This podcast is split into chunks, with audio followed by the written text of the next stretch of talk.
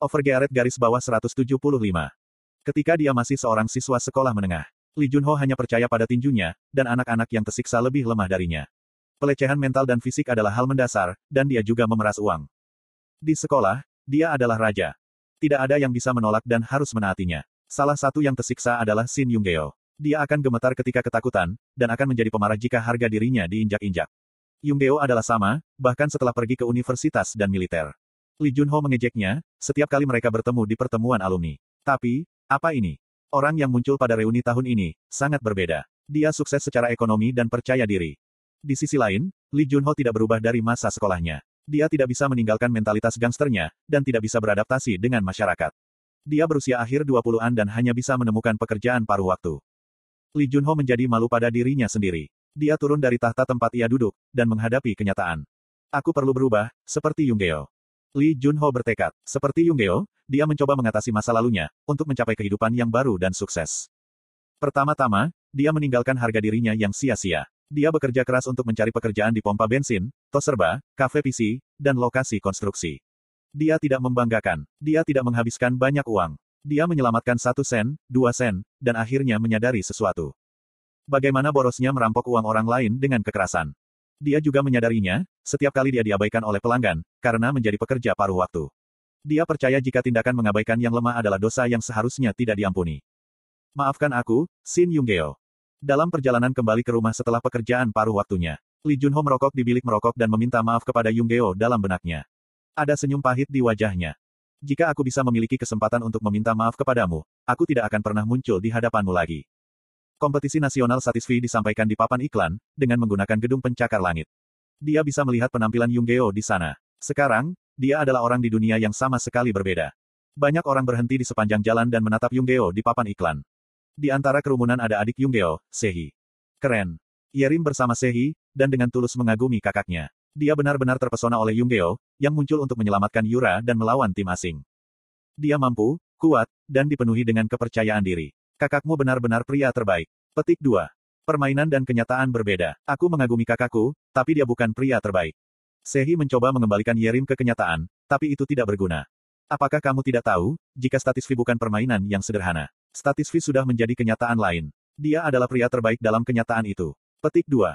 Yerim tahu itu, lebih akurat daripada Sehi. Dia memiliki penampilan yang lebih dewasa daripada usianya, dan menyatakan dengan tawa.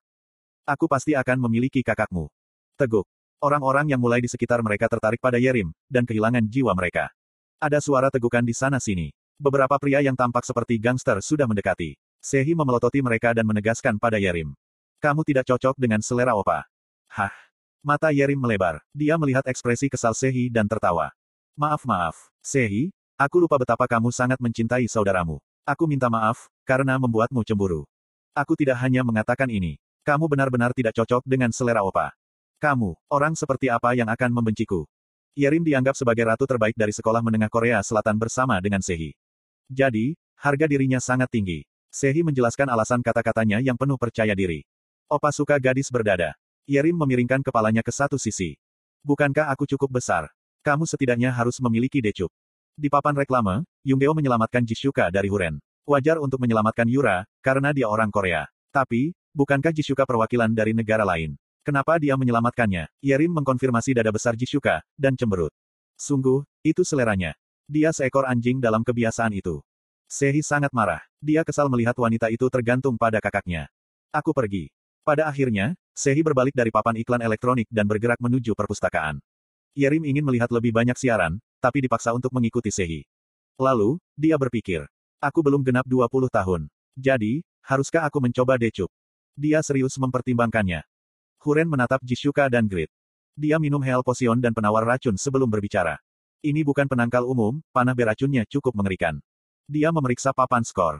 Korea memiliki 131 poin, AS 82 poin, Brasil 73 poin, Inggris 60 poin, dan Spanyol 0. Sekarang, hanya ada lima negara yang tersisa. Spanyol dikesampingkan. Met tim Spanyol berada di ambang akan dikeluarkan, oleh Regas. Huren memahami medan perang dan mengirim Whisper ke Lawel di belakang keluar dari pertempuran, dan fokus pada penanganan target. Kita telah menyerah pada medali emas, tapi kita harus mengambil medali perak. Bukankah damagenya cukup besar? Bisakah kamu melawan Pak Mas Descendants dalam kondisi seperti itu? Tujuh bila emas masih bergerak sendiri dan menghancurkan target. Huren mengkonfirmasi adegan itu dan tersenyum gelap. Kenapa tidak? Tadak. Huren memandang Grid. Karena situasinya seperti ini, haruskah aku menikmatinya sedikit? Itu adalah provokasi yang jelas. Grid yang percaya diri untuk tidak akan jatuh pada provokasi itu. Berhentilah bermain-main. Kraugel peringkat pertama, Zibal peringkat kedua, Chris peringkat ketiga, Agnus peringkat ketujuh, Huren peringkat kedelapan, Bondre peringkat ke-11. Akhirnya, Hao peringkat ke-14. Yura menyebut mereka tujuh orang yang lebih kuat darinya. Grid dengan jelas mengingatnya. Namun, dia sama sekali tidak gugup, meskipun Huren menjadi salah satu dari mereka. Dia adalah seseorang yang menyerbu monster boss terkuat sendirian. Dia yakin, jika dia bisa mengalahkan petinggi dengan statistik, keterampilan, dan itemnya. Jisuka, serahkan dia padaku dan berkonsentrasi pada target. Apakah kamu tidak ingin medali perak? Ya, terima kasih. Jisuka berterima kasih pada Grid dan menghilang ke hutan bersama Samuel. Setelah Grid sendirian dengan Huren, dia segera membuka tarian pedangnya. Pak Mas Swordsmanship. Saat Grid bergerak dua langkah. Uok. Bilah merah panjang 5 meter muncul dari ujung jari Huren dan menusuk dada Grid. Anda telah menderita 4600 damage. Eh. Huren menyerang dengan waktu yang tidak bisa diatasi, karena Grid sibuk dengan tarian pedangnya. Damagenya cukup besar. Aku menderita banyak kerusakan, meskipun memakai set armor legendariku. Atau apakah itu damage standar aura? Grid bingung, tapi skill terbaiknya sudah digunakan. Kill. Kuoh. Bila biru raksasa yang dipenuhi kebencian, meraung saat menuju Huren. Kuarururung. Pohon-pohon di daerah itu bergetar, karena gelombang energi luar biasa yang datang darinya. Grid telah merencanakan untuk meniup Huren. Namun, Huren bergerak ke samping pada waktu yang tepat, dan menghindari kill. Lalu, dia pindah kembali ke grid dan mengarahkan bila auranya, ke celah yang terbuka oleh ayunan pedang besar. Anda telah menderita 4600 damage. Anda telah menderita 4600 damage. Damage ini kerusakan konstan. Aura, apakah itu mengabaikan defense dan memberikan damage tetap? Grid mengerutkan kening, saat dia terlambat mengerti. Energi kill menembus udara kosong dan memudar. Huren mendecakkan lidahnya. Untuk menyerang dengan skill yang tidak ditargetkan. Kamu pertama-tama harus menahan gerakan lawan. Jika itu tidak mungkin, kamu harus memprediksi gerakan mereka. Bukankah itu bagian dari dasar-dasar? Grid meminum posion untuk memulihkan HP-nya dan bertanya. Apakah kamu mencoba mengajariku sekarang? Mengajari. Hahat. Omong kosong. Apakah ada alasan untuk melakukan jenis bantuan itu, untukmu? Aku hanya kecewa. Kamu memiliki kelas terkuat dan ini adalah sejauh mana keahlianmu. Apakah kamu tidak memiliki pengalaman tempur? Grid membentaknya. Tentu saja aku punya pengalaman tempur. Kamu tidak bisa membayangkan, berapa banyak bos yang aku serang sendirian sejauh ini. Huren terkekeh. Apakah pengalaman tempurmu terbatas pada Right Boss? Kukuk, tentu saja, bos kuat. Tapi, bukankah mereka hanya bertarung dengan kekuatan atau dengan pola tertentu? Mereka tidak bertarung dengan cerdik. Ya, sama sepertimu. Tidak bisakah kamu melihat, jika perbedaan dalam pengalaman tempur kita terlalu besar? Berbicara omong kosong, hanya karena kamu menghindari skillku sekali. Grit yang panas menggerakkan pedangnya seperti kupu-kupu menari. Kali ini, dia akan memukul wajah nakal Huren. Tapi, Pakmas Swordsmanship memiliki kelemahan. Untuk mengaktifkan, nama skill harus diucapkan. Ini membutuhkan waktu minimum 0,8 hingga 2 detik, sebelum skill diaktifkan. Jelas, beberapa orang akan merasa, jika ini adalah waktu yang singkat. Bahkan, tidak ada player, monster, dan boss yang ditemui grid yang menyentuhnya selama waktu ini. Tapi, bukankah Yura membalas dalam 0,5 detik, saat menghadapi Crusher? Lebih jauh, Huren jauh lebih baik darinya. Teuk. Saat grid mengambil langkah pertama dari tarian pedangnya. Uwok. Anda telah menderita 4.600 damage. Anda telah menderita 4.600 damage. Huren menyerang Grid dua kali selama waktu itu. Pada saat yang sama, dia melarikan diri ke belakang, membuka jarak. Cook. Grid memeriksa jarak dan memutuskan itu tidak mungkin, membatalkan aktivasi skill linknya. Baunya busuk. Dia mengakui, jika Huren kuat, itu diterima dibandingkan dengan bos yang ia hadapi sejauh ini. Damage tetap dan kemampuan aura untuk secara bebas mengubah bentuknya, cukup menjengkelkan. Tapi, Bagian yang rentan adalah, dia tidak bisa menggunakan skill. Tentu saja, Grid memiliki pengalaman berkelahi. Namun, dia merasakannya, setelah dua skill menjadi tidak berguna. Apakah kamu akan menggunakan skill dengan sembarangan lagi? Apakah kamu tidak memiliki kemampuan belajar? Huren menghela nafas, seolah-olah Grid menyedihkan. Pada akhirnya, Grid bergegas mendekatinya. Baik, aku hanya bisa mengayunkan pedangku daripada menggunakan skill. Maka apakah kamu dapat menghindarinya? Eh, Rage Blacksmith. Petik 2. Jejeong. Failure plus 9 berbenturan dengan bila aura. Kuat.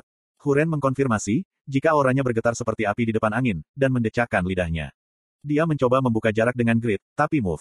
Speed dasarnya tidak cukup. Jejeong. Jang. Grid terus-menerus menempel pada Huren dan mengayunkan pedangnya. Huren nyaris berhasil mempertahankan dan mengkonfirmasi, jika cooldown skill escape-nya telah berakhir. Escape. Mengintip. Skill jarak dekat ini adalah sesuatu yang dimiliki semua kelas warrior. Huren berhasil mendapatkan 5 meter dari grid, dan menggeser sebagian auranya ke bagian bawahnya. Attack power berkurang 30%. Move. Speed meningkat 30%.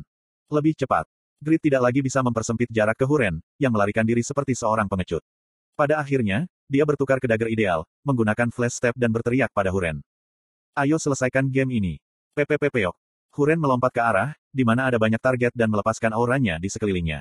Ada ledakan dan skor tim AS dengan cepat diperbarui. Amerika Serikat memiliki 109 poin. Sangat menakjubkan. Setelah mengeluarkan perwakilan dari Perancis, Cina, dan Jepang, Huren menghancurkan 16 target dalam satu serangan, saat berlari dari Pakmas Descendants. Apa yang sedang kamu coba lakukan? Grid ingin membantu Jishuka dan Regas. Dia ingin negara mereka memenangkan medali perak dan perunggu. Karena itu, dia mengejar Huren untuk menghentikannya. Berkat kegigihannya yang tinggi, stamina Grid tetap stabil, sementara Huren perlahan-lahan menjadi lelah. Aku pikir, dia menginvestasikan sebagian besar statistiknya ke dalam strength, kemudian beberapa agility dan stamina. Tapi sekarang, aku melihat jika statistiknya tinggi, secara keseluruhan. Memang, Blacksmith dapat meningkatkan statistik mereka secara dramatis melalui produksi item. Seiring waktu, Huren dapat memahami lebih banyak tentang Grid. Tapi napasnya menjadi sesak dan dia melambat. Aku hampir menyusul. Mata Grid berbinar. Inilah akhirnya. Dia akan segera menangkap pria yang menjengkelkan itu. Grid dipenuhi dengan kesenangan, tapi ada masalah. Tim Korea Selatan, 150 poin, menang. Apa?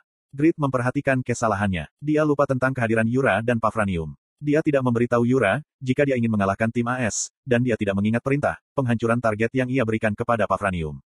Yura dan Pafranium terus menghancurkan target sementara dia mengejar Huren. Akhirnya, itu mengarah pada ini. Bye-bye. Huren tertawa, karena dia telah meramalkan situasi ini dari awal. Grid terpaksa lockout. Itu adalah aturan, jika tim yang mencapai kuota, tidak bisa lagi tetap di medan perang. Setelah itu, Amerika Serikat berikutnya mencapai 150 poin setelah Korea Selatan dan meraih medali perak. Inggris dan Brasil tertinggal untuk bersaing memperebutkan tempat ketiga, dan Inggris akhirnya menjadi pemenang.